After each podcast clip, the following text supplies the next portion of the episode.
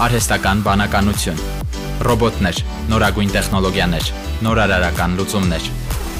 IT շփաթ իմ ռադիոյի եթերում։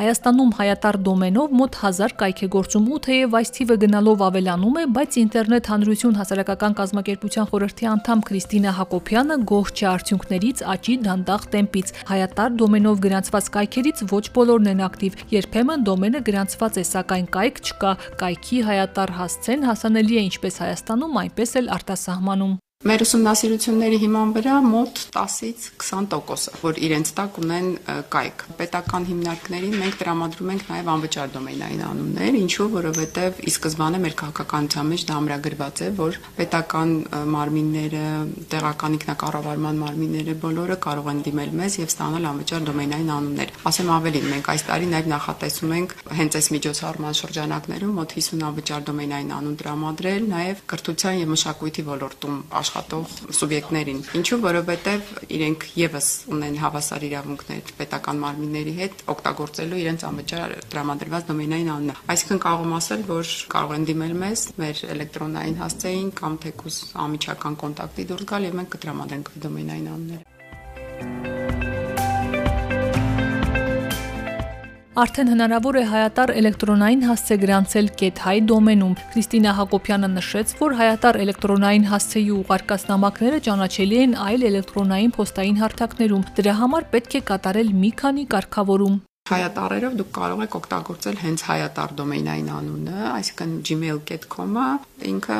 տենից կարող եք պահել այդ հասցեն, բայց դրան զուգահեռ կարող եք ունենալ նաև Աննա Շնիկ elpost.hi դոմեյնային անունով, այսինքն ամբողջությամբ հայատար, թե աջ կողմը, թե ձախ կողմը Շնիկի։ Կարող եք օգտագործել տարբեր համակարգերում եւ որևէ խնդիր այս պահին չի առաջանա։ Հետագա զարգացումները կլինեն այնպեսին, որ ցանկացած անձ կլինի հարթակ, որտեղ որ կկարողանա գրանցել այդ էլեկտրոնային փոստը իր անձնական էլեկտրոնային օնլայն փոստը եւ օգտագործել։ Առանձնահատկությունները եւ տեխնիկական լուծումները տալիս մենք պարտադիր համագործակցում ենք տարբեր շահառու կողմերի հետ, պետական մասնավոր, ակադեմիական եւ տեխնիկական եւ նաեւ ուսանողների եւ ինչու ոչ նոր սկսնակ մասնագետների հետ։ Բարձր տեխնոլոգիաների արդյունաբերության նախարարությունն է մեզ միշտ այդ հարցում աջակցում, կրթության գիտության նախարարությունը, կտակը, լեզվի կոմիտեն, ինչու՞ չէ Սփյուռքի հանձնակատարի գրասենյակը բազմաթիվ միջոցառումների մասնակից է լինում եւ աջակցում են մեզ մեր խնդիրների եւ առանձնահատկությունների լուծման ընթացքում։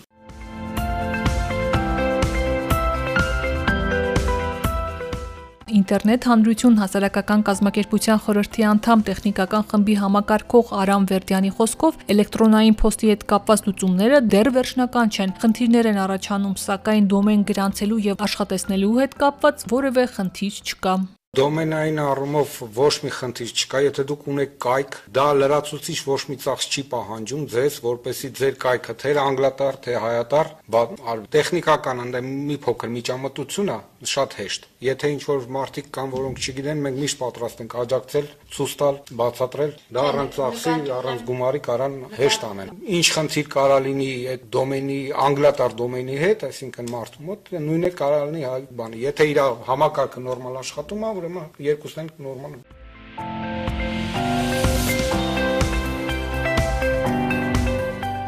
Մասնագետները նկատեցին, որ աշխարհում ձևավորվել է համընդհանուր ընդունում շարժումը, որը խթանում է ազգային լեզուներով համացանցից օգտվելը։ Այդ շարժման շրջանակում համաշխարհային ցանցային մակարդակում լուծվում են տեխնիկական խնդիրներ, որոնք թույլ են տալիս համակարգերին ճանաչել ազգային լեզուների տարատեսակներն ու նիշերը։ Հայաստանն այդ առումով հայերեն տարերի ճանաչման հետ կապված որևէ խնդիր չունի, ինչն էլ հնարավորություն է տալիս զարգացնել ոչ միայն դոմենը, այլև գործարկել հայալեզու էլեկտրոնային փոստը, որից նամակներ կարելի է գրել Google, Yahoo եւ այլ համակարգերի էլեկտրոնային փոստերին։